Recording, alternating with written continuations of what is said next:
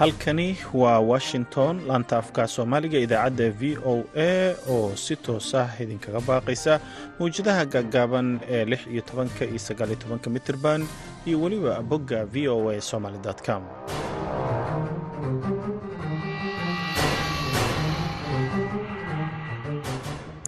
Galab wanaagsan dhammaantiinba waa sabti toddobiyo tobanka bisha februari sannadka laba kun iyo afar iyo labaatanka idaacadda galabta iyo wararka v o a waxaa idinla socodsiinaya anigoo ah cabdulqaadir maxamed samakaab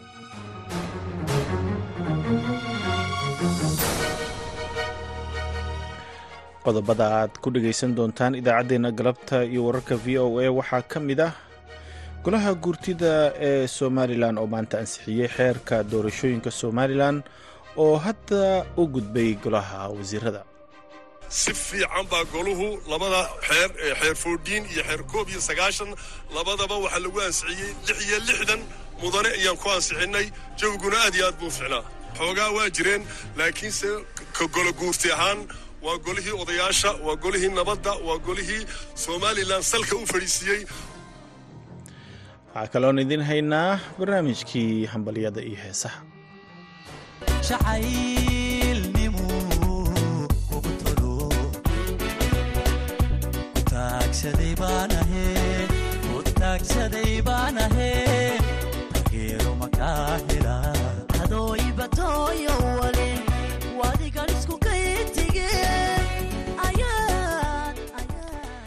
barnaamijkii dhacdooyinka toddobaadka iyo qodobo kale ayaan idin haynaa balse intaasoo dhan waxaa ka horreeya warkii dunida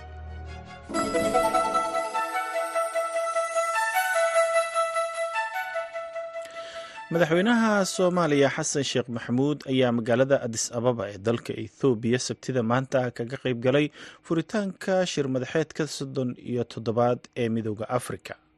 Sida lagu sheegay war ka soo baxay villa soomaaliya madaxweyne xasan sheekh oo hadal ka jeediyey shirka ayaa ku baaqay in si wada jir ah loo qaado tallaabooyin looga hortegayo caqabadaha ku xeeran nabadda iyo xasiloonida guud ahaan qaaradda sida lagu yiri qoraalka villa soomaaliya xasan sheekh maxamuud ayaa mar kale ku celiyey mowqifkiisa ah inaan la aqbali karin tallaabooyinka ay etoobiya dhowaan heshiiska is-afgaradka kula seexatay somalilan dhinaca kale hogaamiyaasha midooda afrika ayaa maanta shirkooda uu bilowday kadib iyadoo qaaradda ay la daalaadhacayso afgembiyo colaado qalalaaso siyaasadeed iyo xiisado gobolka ka jira.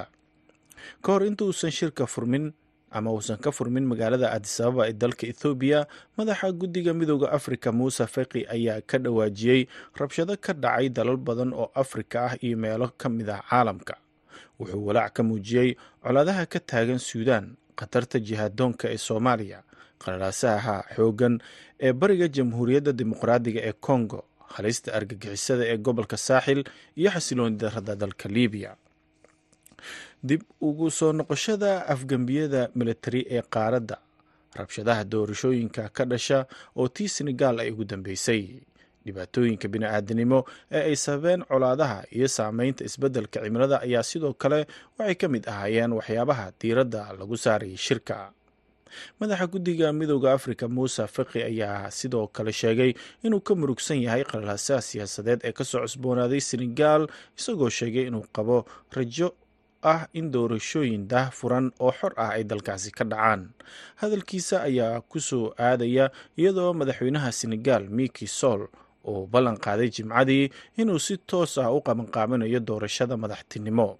Sool ayaana hadalkiisa u imaanayaa kadib go'aan uu ku joojiyey doorashadii loo ballansanaa inay senegaal ka dhacdo bisha februaayo una dhigay ilaa iyo desembar taasoo ay ka dhasheen dibadbaxyo iyo qalalaaso xoogan ama qalaasihii ugu xumaa ee dalkaasi uu wajaho muddo tobanaan sano ah.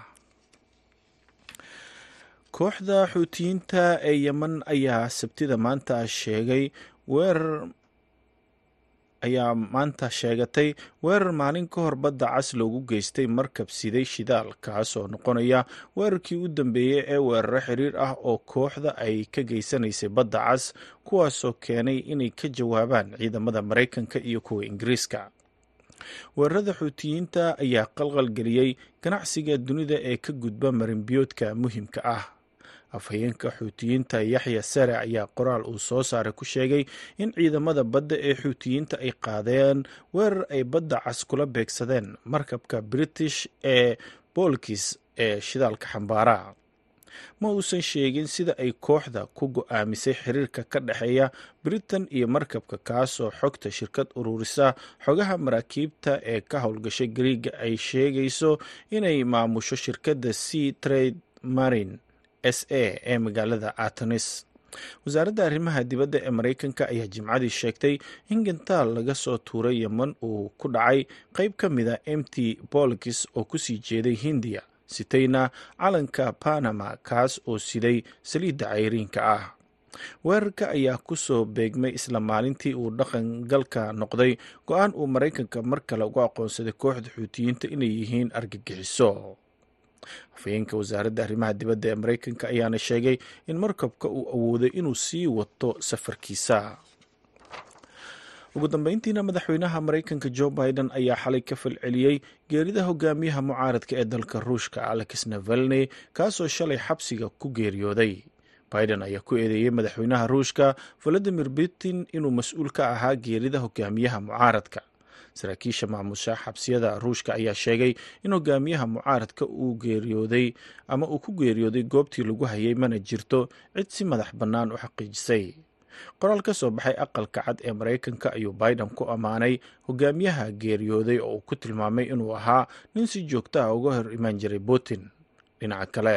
Qaar ka mid a hogaamiyaasha reer galbeedka ayaa iyagana si toosa ugu eedeeyey valadimir putin iyo xukuumaddiisa geerida navalni oo toddobiyo afartan sano jir ah taasoo timid bilooyin uu caafimaadkiisa sii xumaanayay isagoo xabsiga ku jira.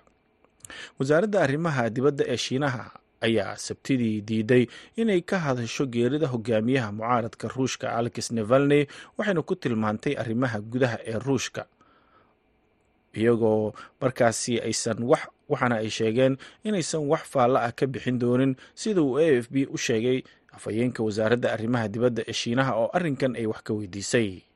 Jawaabta afhayeenka ayaa imaanaysa iyadoo beijing iyo moscow oo xulufo ah ay sii xoojiyeen xiriirkooda xitaa iyadoo waddamada reer galbeedka ay dhabarka u jeediyeen ruushka kadib duulaankii militari ee uu ku qaaday dalka ukraine. Dhegeystayaal warkeennii dunidana waa nageynta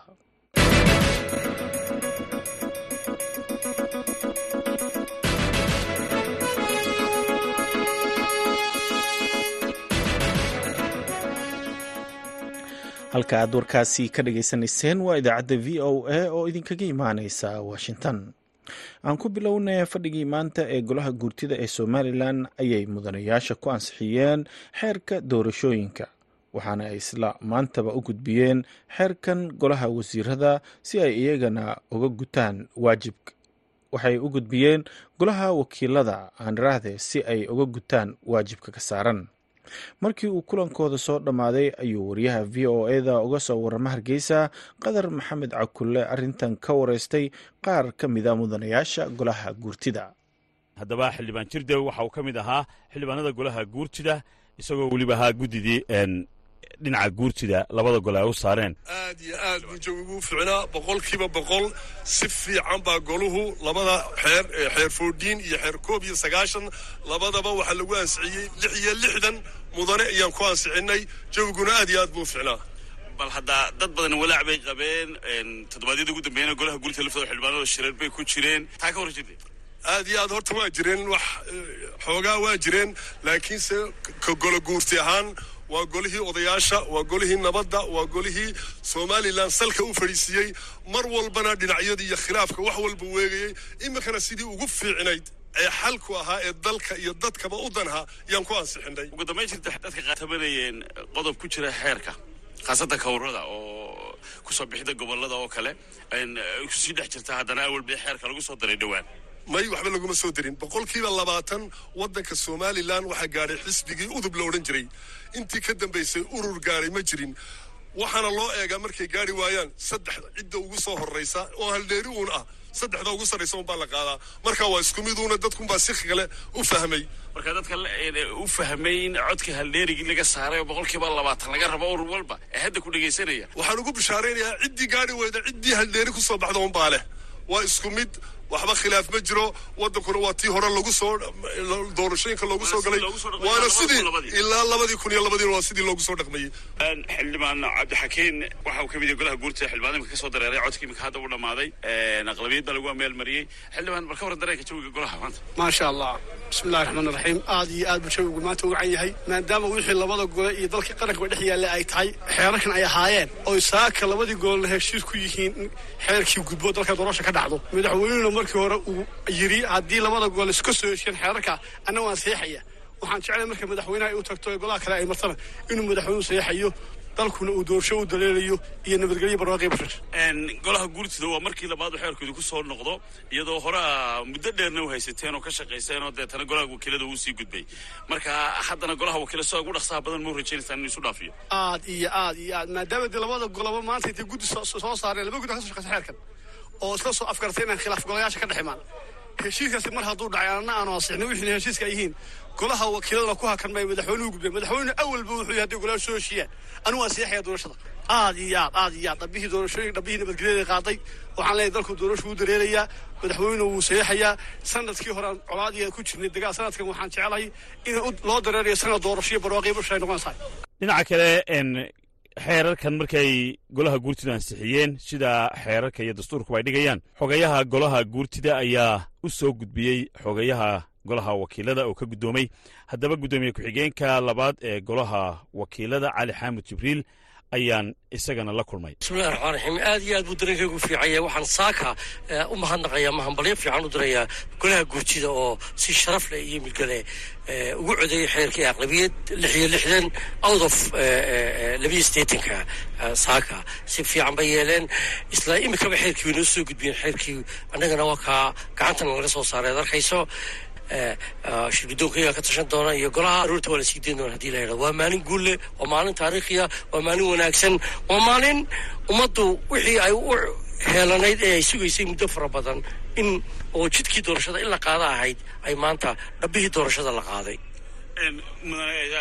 Mudanayaasha golaha guurtida iyo golaha wakiilada marka la eego dadku waxay sugayeen guddoomiye cali in xeerarkaa doorashooyinkeedii ka soo dhammaadaan saa ugu dhaqsaa badan ay ugu gudbaan madaxtooyada madaxweyne oo seexo deetana xaaladii muranka isku taagtaagkeed uga baxda somalilan ma la qaaday dhabbadii maanta?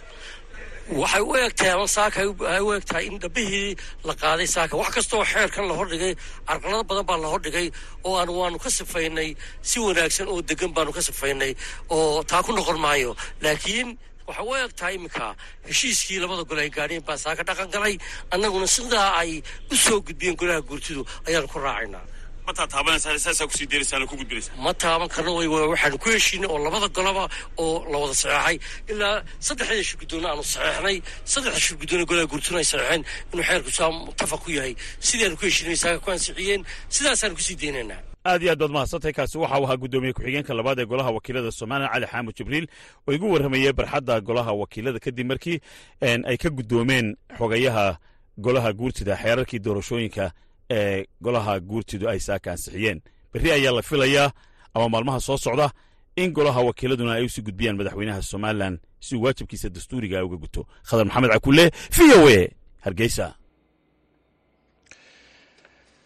halkaaad weli nagala socotaan waa idaacadda v o a oo idinkaga imaaneysa washington.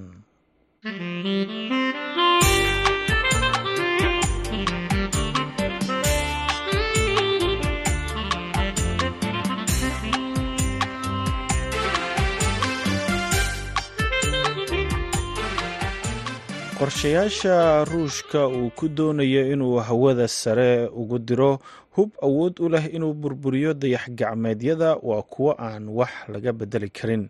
Sidaasi waxaa yidhi madaxweynaha maraykanka jo biden oo dhinaca kale soo jeediyey in weli ay jirto fursad looga dhaadhicin karo xukuumadda moscow inay qorshahaasi ka leexto wariyaha v o eda ee arrimaha qaranka uga soo warama jeff seldin ayaa warbixintan ka soo diray bentagonka caashi ibraahim aadan ayaana soo jeedinaysaa ereyga nidaamka cusub ee ruushka ee lidka dayax gacmeedka ee ku lug leh awoodda nukliyerka amaba hubka ayaa bilaabay in uu fido horaantii toddobaadkan kadib markii xildhibaan sare oo maraykana uu si cad u soo bandhigay walaac. Laakiin madaxweynaha maraykanka jo biden ayaa sheegay in aysan weli jirin wax laga walwalo.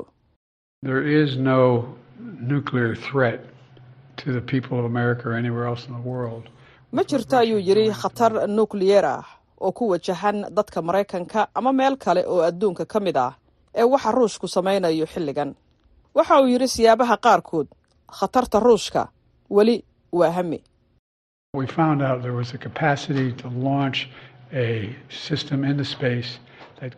Waxaan ogaanay ayuu yidhi inay jirto awood lagu soo bandhigo nidaamka hawada sare kaasoo aragti ahaan samayn kara wax walaac leh. Weli ma dhicin ayuu yidhi saraakiisha maraykanka ayaa sheegay in ay la xiriirayaan dhigooda ruushka iyaga oo rajaynaya in xukuumadda moscow ay isbeddel samayso. Ma anything ayuu yidhi wax caddaynaya in ay go'aan ku gaareen in ay horay u sii wadaan wax ka samaynta hawada sare. Afhayeenka xukuumadda kremlinka ayaa u sheegay wakaaladda wararka ee ruushka ee taas in laga bilaabo maalintii jimcihii saraakiisha ruushka aysan wax wara ka maqal maraykanka. Mahadsanid caashe ibraahim aadan oo warbixintaasi noo soo jeedinaysay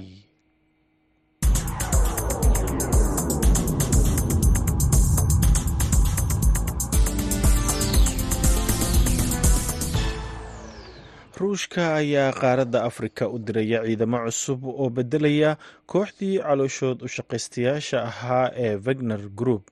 Faahfaahinta warkan waxaa inoo haya xuseen barre aadan. Tan iyo markii uu dhintay taliyihii wagner group evgeni brigogin saddex labaatankii bishii agost ee sannadkii hore waxaa kala daatay kooxdii uu hogaaminayay arrintaasi oo keentay in ruushku uu dib u habeyn ku sameeyo iyada oo laga bedelay magacii hore loona bixiyey africa corps. Kuwaasi oo hordhacoodii hore ay bishii hore tegeen dalka burkina faso. Haddaba maxay tahay ujeeddada ka dambaysa ciidamadan? Halkeese ayuu saldhigoodu noqonayaa. Waxaa arrimahaasi inoo faahfaahinaya jaamac faarax xasan oo ah aqoon-yahan ka faalooda arrimaha siyaasadda kuna sugan jabuuti ciidamadan cusub ee africa ah laga howlgelinayo waxa waa ciidamo bedeli doona ciidamadii wagner waxa weeyaan horey uga howlgelayay wadano badan iyo africaba ka howlgelayay waxa waa ciidamadaas ciidamadii bedeli lahaa oo hadda ruushku waxa intii ugu badnayd uu soo dhamaystiray ciidamadan waxa waxay timiday geeridii ku timiday waxa hogaamiyihii wagner sannadkii hore labadii kun iyo saddex labaatankii marka sebtember adu ilaa december waxa weeyaan ruushka wuxuu dhigay istaraatiijiyad cusub oo waxa weeyaan ciidamada ciidamada bedeli lahaa la howlgeliyo oo la sameeyo. Marka waxa weeyaan wasiir ku-xigeenka difaaca ayaa wadanadan galbeedka africa iyo waqooyiga africaba waxa weeyaan booqashooyin ku gala bixiyey. Waxa weeyaan ciidamadan waa ciidamo ka howlgeli doona shan wadan. Waxa weeyaan libya waa burkina faso waxa weeyaan waa niger waa mali waxa weeyaan iyo central africa wadanka ciidamadaasi waa ciidamo hadda waxa weeyaan xagaaga samarkan dhexdiisa insha allah adu waxa weeyaan ay ugu talagaleen inuu soo gabagaboobo waxa weeyaan howlgalkooga iyo nidaamintooda iyo agabkooga military iyo tababaradoodaba u soo dhamaystirmaan waxa weeyaan. Iyagoo waxa weeyaan wadanadan galbeedka africa ay wadano bad ay lahayn waxa weeyaan libya waa waxyaalaha ay ugu soo dareen inay arboro iyo waxa weeyaan marsooyin qalabkooga diyaaradooda waxa weeyaan ay soo fadhiistaan helaan taasaa keentay in libiya iyo hogaamaha hogaamiyaha khaliifa xaftar in uu tago ruushka oo si weyn loogu soo dhaweeyay bishii sagaalaad sannadkii hore. Ruushku ujeedooyin badan buu ka leeyahay ciidamadana waxa weeye inuu ku ilaalsado danayaal badan oo africa waxa weeyaan kala dhexeeya.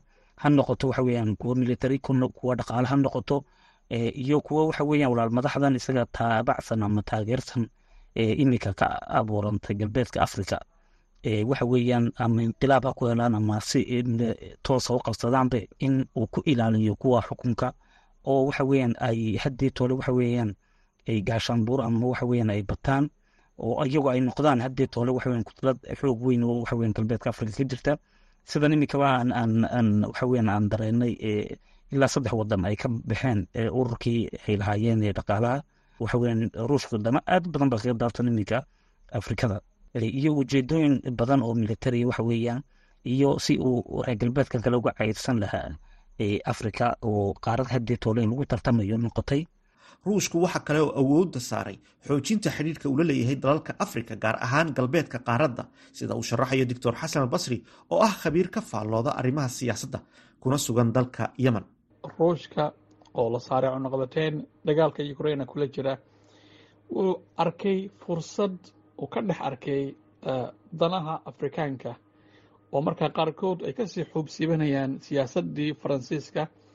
Halkaa ayuu ka soo galay daaqadaas ayuu ka soo galay siyaasadda africa islamarkaana afrikaanku waxay raadinayaan oo baahidooda weyn maanta ay tahay balancy policy siyaasad dhexdhexaad ah markaa mutawaasin ah in marka ay helaan oo hay'ad ama nidaam dawli ah ama dal awood leh oo markaa derbi ahaan ay ku tiirsadaan dhinaca militariga iyo dhaqaalaha ayay raadin jireen in badan. Marka maraykanka iyo jinaha iyo ruushka ayay kala dooranayaan afrikaanku oo markii xaalado ay u baahdaan deg dega sida tii dhacday corona oo kale. Marka baahidaas iyo mid lamida marka ay ka cararayaan afrikaanku hadda ayay sii qorsheynayaan inay marka dal awood leh oo sida ruushka iyo china oo kale gaar ahaana ruushka hadda ay kula jiraan heshiiska inay markaa ay ay la heshiiyaan ruushka si mustaqbalka dhow ay arrimaha iyo baahidaas loo daboolo aad ayuu mahadsan yahay xuseen bare aadan oo warbixintaasi nala socodsiinayey haddana dhegeystayaal waxaad ku soo dhowaataan xubinteenii dhacdooyinka toddobaadka oo aan idinla socodsiiyo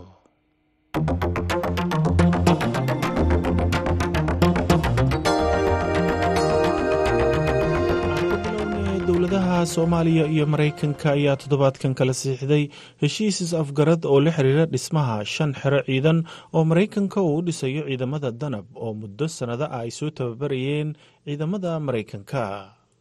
Xeryahan ayaa laga dhisi doonaa magaalooyinka muqdisho kismaayo baydhabo jowhar iyo dhuusamareeb tallaabadan ayaa imaanaysa iyadoo dowladda soomaaliya ay waddo dadaallo ay ku doonayso inay ku xoojiso ciidankeeda isuguna diyaariso dhammaadka sanadkan inay amniga dalka kala wareegto. Ciidamada midooda afrika ee admis oo bisha disembar la sheegay inay si buuxda u bixi doonaan haddaba si aan faahfaahin uga helno is-afgaradka soomaaliya iyo maraykanka ay gaareen ayaa haaruun macruuf uu qadka telefoonka kula xiriiray la taliyaha amniga qaranka ee madaxweynaha soomaaliya xuseen sheekh cali oo hadda jooga washington.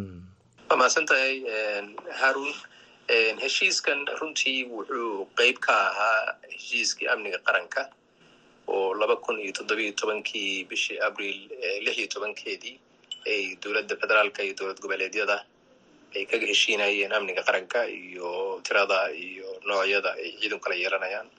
Ciidanka danab oo ah ciidamada special forceska ah elite special forceska ayaa aan maraykanka waxaan ka codsanay in iyagu ay noo gaarsiiyaan tiro saddex kun ah qalabkoodii iyo xeryahoodii iyo wax allaale wixii kaloo agab uga baahnaayeen in ay u dhammaystiraan sida lagu heshiiyey ciidamada qaabka loo dhisayo.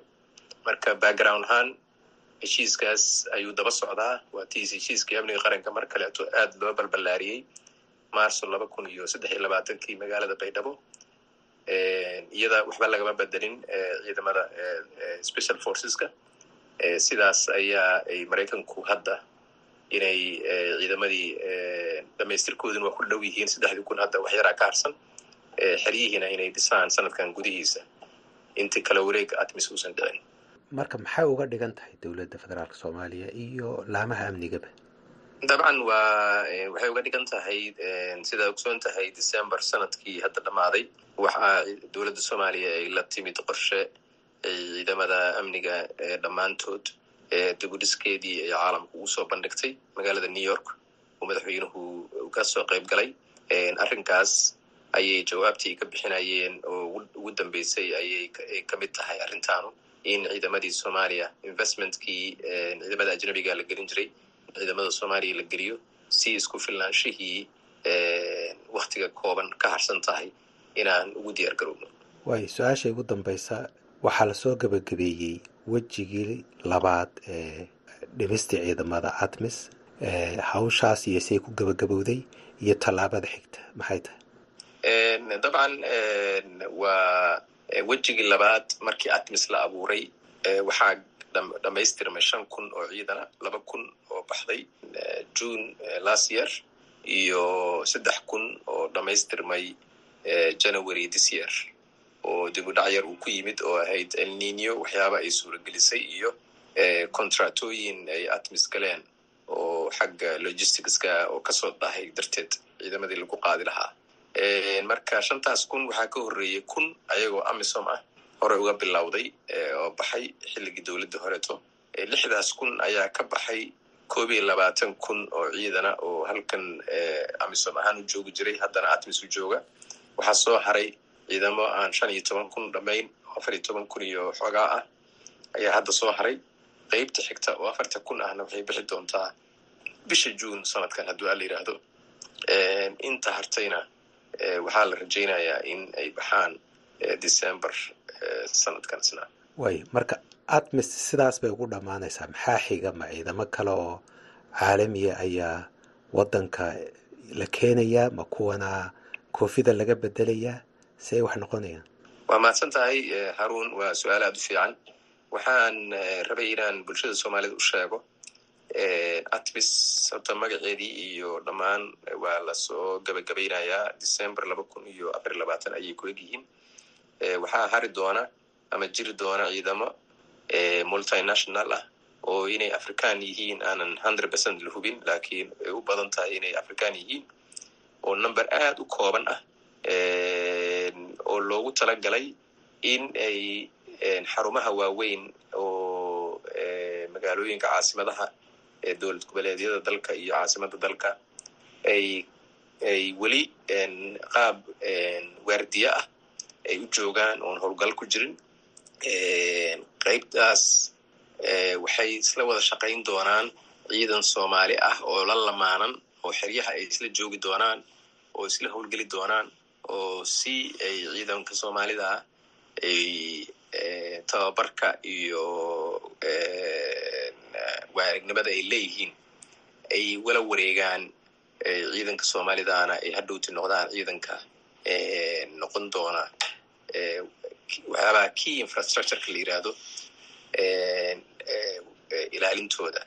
Dabcan doodan soomaaliya waxay berfergaraynaysay inay dhammaan ciidanka ay wada baxaan lakiin joogitaanka hay'ado fara badan oo caalamka ah iyo safaarado fara badan oo caasimadahan ka howlgala iyo hay'ad un ta ah oo unsos la yiraahdo oo hadda ciidamada atmis iyo ciidamada xoogga dalka soomaaliyeed taageera xagga logisticska siiya.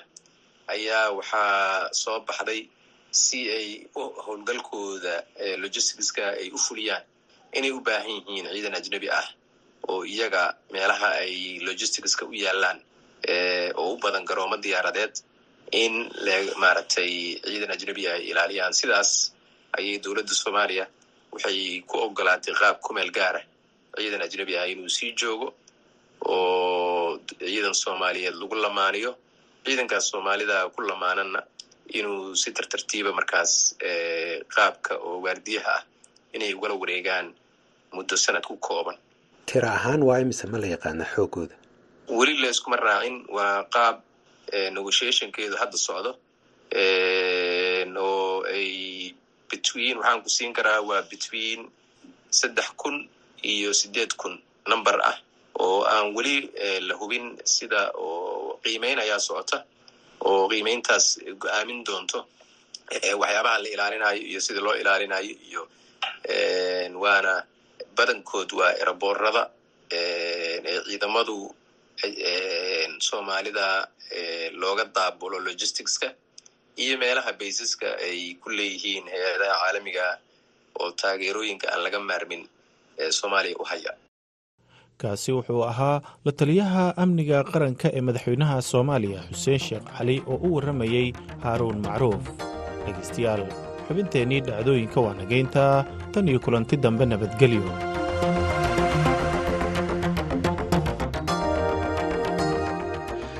Haddana dhegaystayaal waxaad ku soo dhowaataan barnaamijkii hambalyada iyo heesaha. Waxaa inoo hayaa ibraahim daandurey iyo nuur bukhaari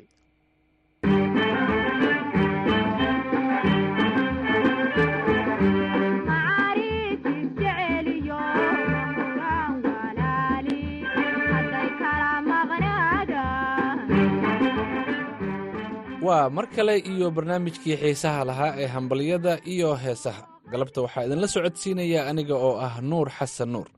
Inta aanan bilaabin warqadaha aad inoo soo dirteen dhegaystayaal aan wada dhegaysanno. Heesta taageero makaa hela. Fanaaniinta cawaale aadan iyo aamina afri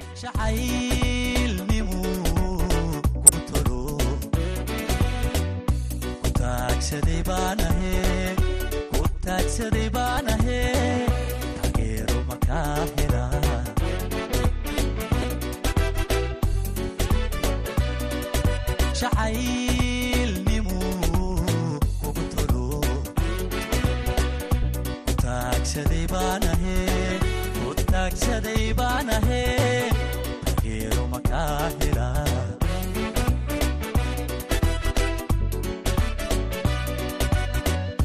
tudhaad gacal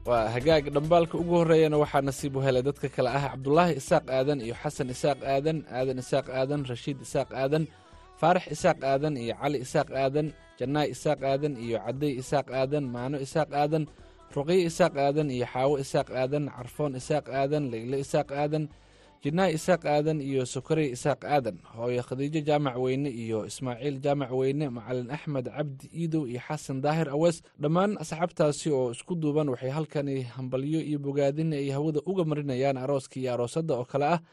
Ikraam cabdi cali iyo cabdi bile muruudi isaaq oo arooskooda uu ka dhacay xerada qaxootiga ee dhagaxley gaar ahaan xaafadda d for ducadan waa xaggiina ay yidhaahdeen.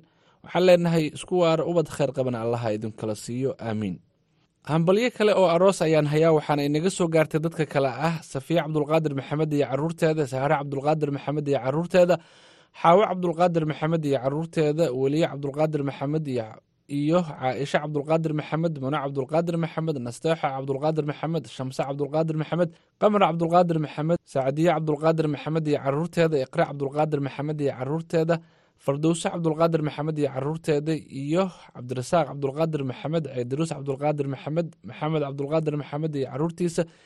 Dhammaan reer cabdulqaadir maxamed oo kala jooga gudaha iyo dibadda waxay hambalyo iyo bogaadin ay hawada u marinayaan. Arooska iyo aroosadda oo kale ah ibraahim cabdulqaadir maxamed iyo maqsuud cabdulaahi maxamed oo arooskooda uu ka dhacay magaalada muqdisho. Taariikhdu markii ay ahayd labaiyo tobankii bishan februaayo sanadka labada kun afar iyo labaatanka. Waxaanu leenahay isku waara oo ubad khayr qaba allah idinkala siiyo. Aamiin dhankii heesaha haddii aan dib ugu laabanno waxaan idiin soo qabannay heesta taar iyo fanaanka maxamed xasan xuseen lafoole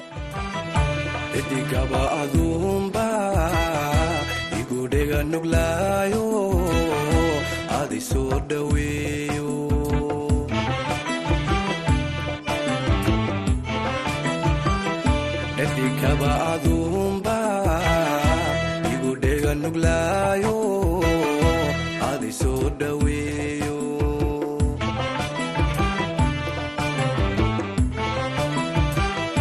dhawicii horeen qabay waxaad tahay dhakhtaaraadii muddo iga dhayayso waadi dhiirigelise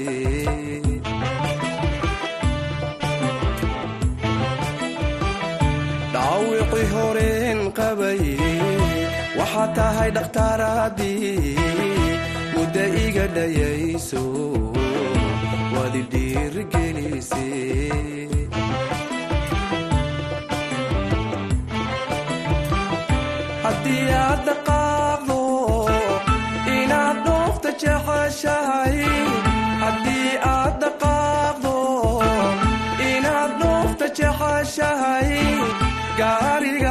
dhaqsanaaye ku sidaa ma dheeliyo uma seexda dhinaco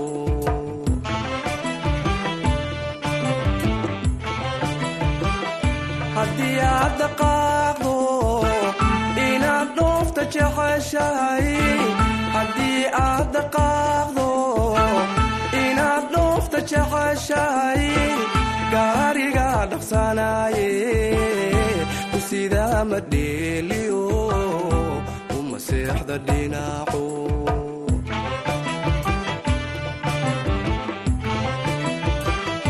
ilaahay dhantaalkiyo kuma tusa dhibaato.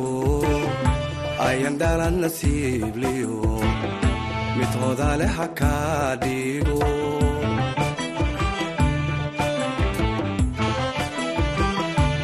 ilaahay dhantaalkiyo kuma tusa dhibaato ayan dhalan nasiibliyo mid hodale ha kaa dhigo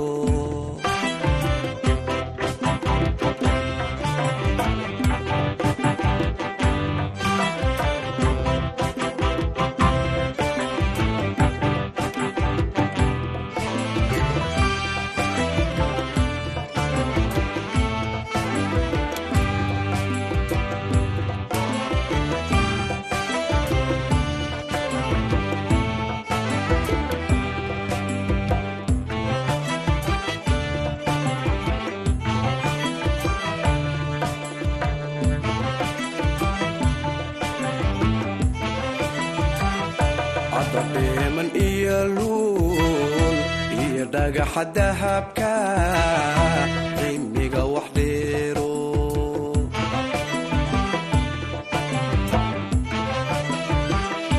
adadheeman iyo luul iyo dhagaxa dahabka qiimiga wax dheero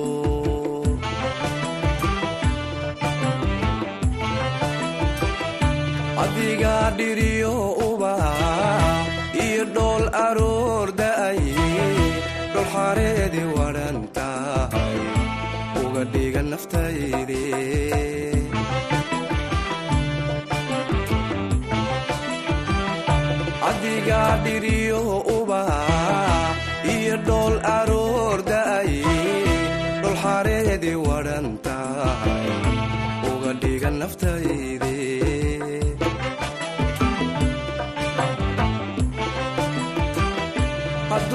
taarka soo dhacay. Dhowaan soo bax kugu yidhi hadduu taarka soo dhacay. Dhowaan soo bax kugu yidhi dharaqura adduunyada hanti aad ku dhaqaatiyo haka waayin dheraago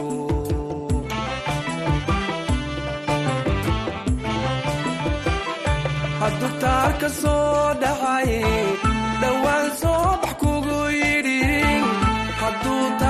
soo dhacay dhowaan soo bax kugu yidhi dharaqura adduunyada hanti aad ku dhaqaatiyo haka waayin dheraago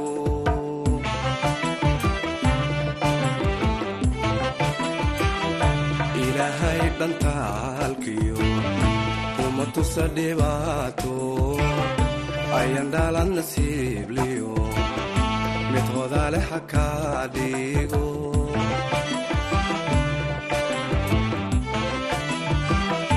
ilaahay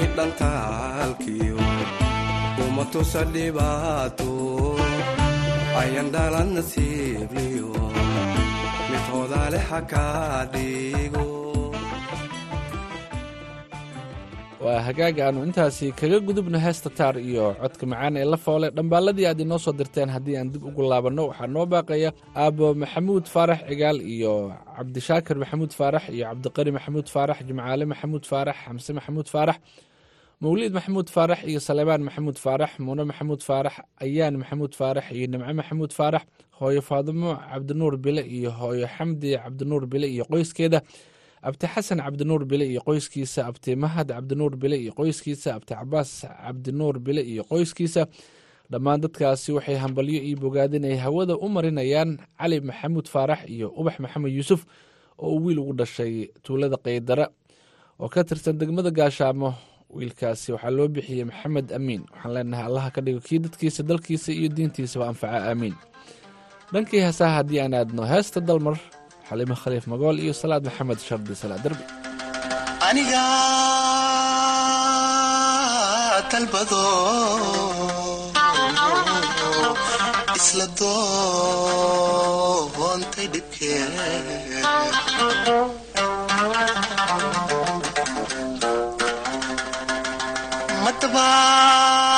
madabaalana qaan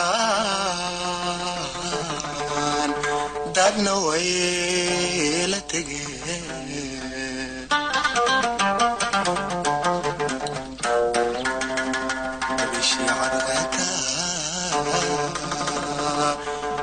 iga sii daray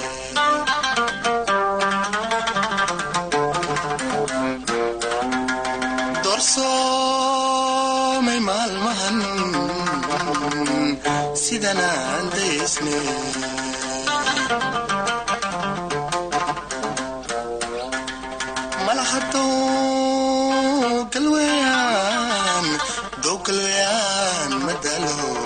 ka doobi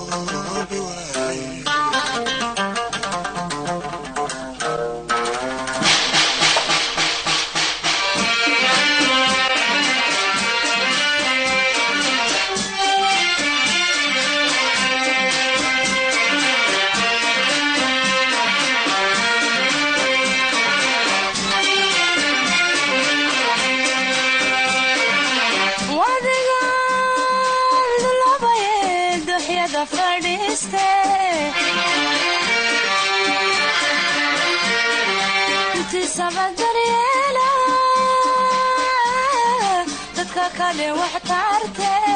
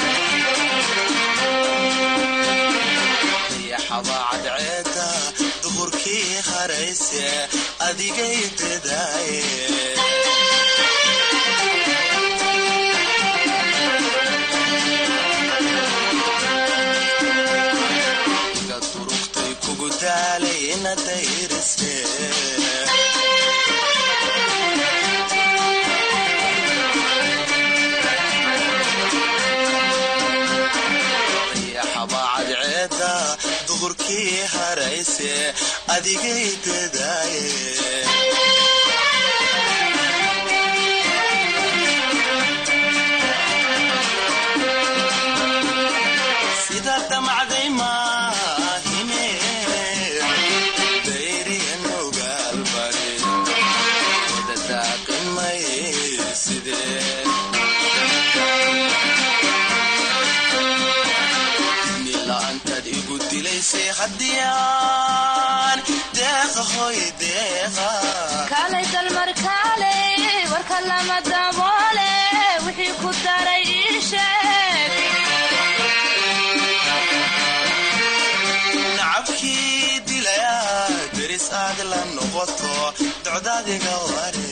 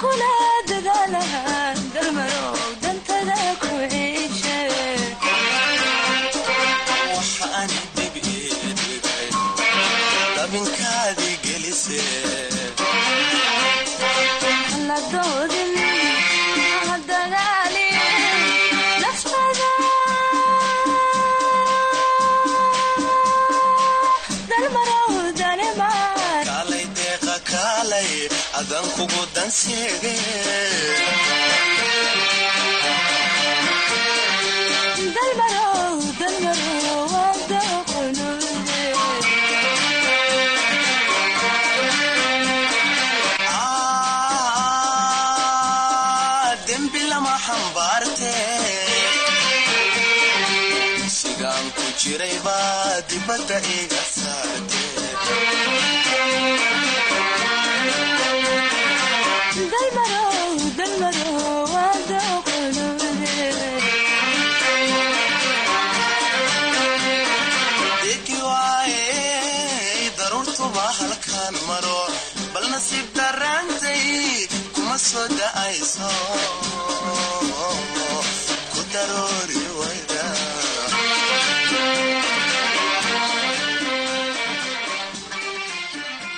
galab wanaagsan dhegaystayaal weli waxaad nagala socotaan laanta af soomaaliga ee v o a. Barnaamijkuna waa hambalyada iyo heesaha.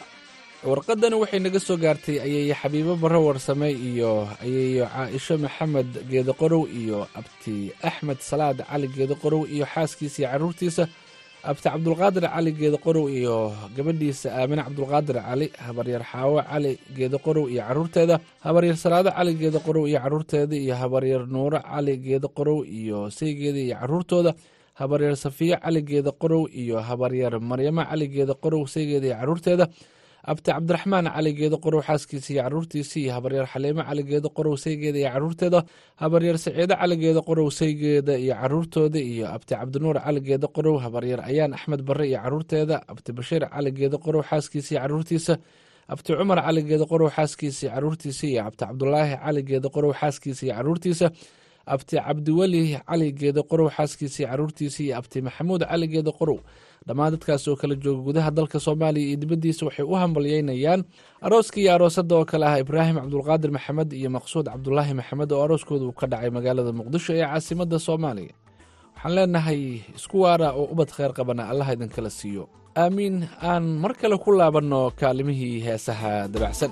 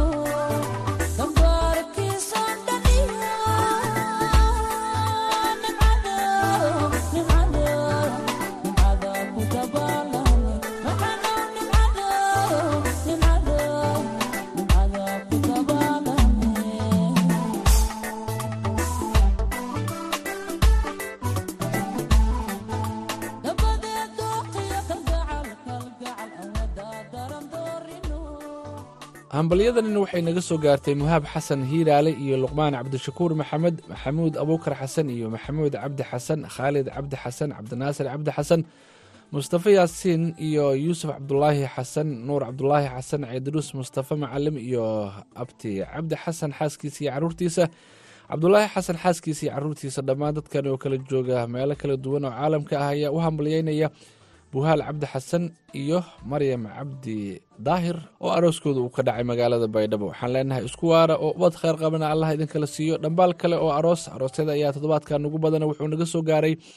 hooyo xakiimo cabdulaahi kulani iyo ayeeyo xaliimo xasan cadde ayeeyo raaxo faarax cadaawe iyo awoowe maxamed dhoore jimcaale abti shuuke cabdulaahi kulani iyo caruurtiisa eedo luul maxamuud dhoore iyo caruurteeda eedo ambiyo maxamed dhoore iyo caruurteeda iyo eedo xaliimo maxamed dhoore iyo caruurteeda eedo faadimo maxamed dhoore iyo caruurteeda iyo eedo aamino maxamed dhoore iyo caruurteeda reer maxamuud samatar iyo reer cabdulaahi maxamed jimcaale reer maxamed cagweyn iyo reer cabdulaahi xasan faarax iyo reer sheekh axmed abshir aadan. Dhammaan dadkaasi oo kala jooga gudaha soomaaliya iyo dibaddiisaba waxay u hambalyeynayaan arooska iyo aroosadda ibraahim cabdulqaadir maxamed iyo maqsuud cabdulaahi maxamed oo arooskooda uu ka dhacay muqdisho waxaanu leenahay ibraahim iyo maqsuud allaha ka dhigo kuwa isku waara oo ubad kheyr qabana kala hela. Aamiin heesta ugu dambeysa ee aan dhegeystayaasheenna ku macsalaameyn doona waa heesta wada noolaada oo nabad ku waara. Fanaanka allah u naxariistee shay miro dacar ayaa ku luqeynaya iyada ayaana ugu dambeysay barnaamijkeenna hambalyada iyo heesaha ee galabta. Tan iyo kulanti dambe waxaan idinku dhaafayaa sidaa iyo nabadgelyo barnaamijkeennana intaas ayuu nooga egyahay iyo guud ahaan idaacaddeenii galabnimo